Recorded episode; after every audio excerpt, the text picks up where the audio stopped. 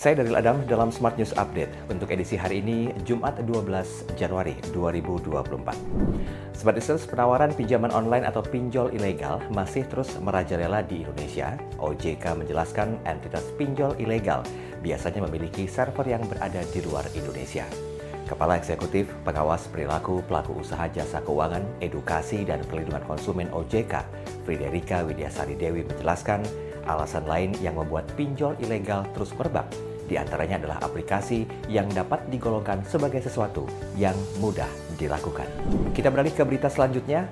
Parlemen Korea Selatan akhirnya mengesahkan rancangan undang-undang yang melarang konsumsi dan penjualan daging anjing.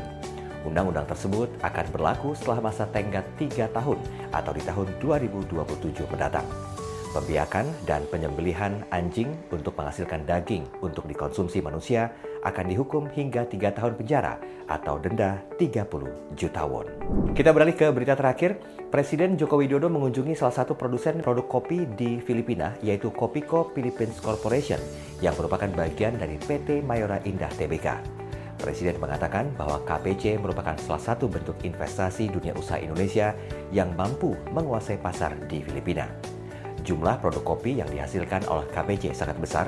Oleh karena itu, Presiden berharap industri tersebut dapat memberikan dampak positif bagi para petani Indonesia untuk turut berkontribusi dalam menyediakan bahan baku produksi.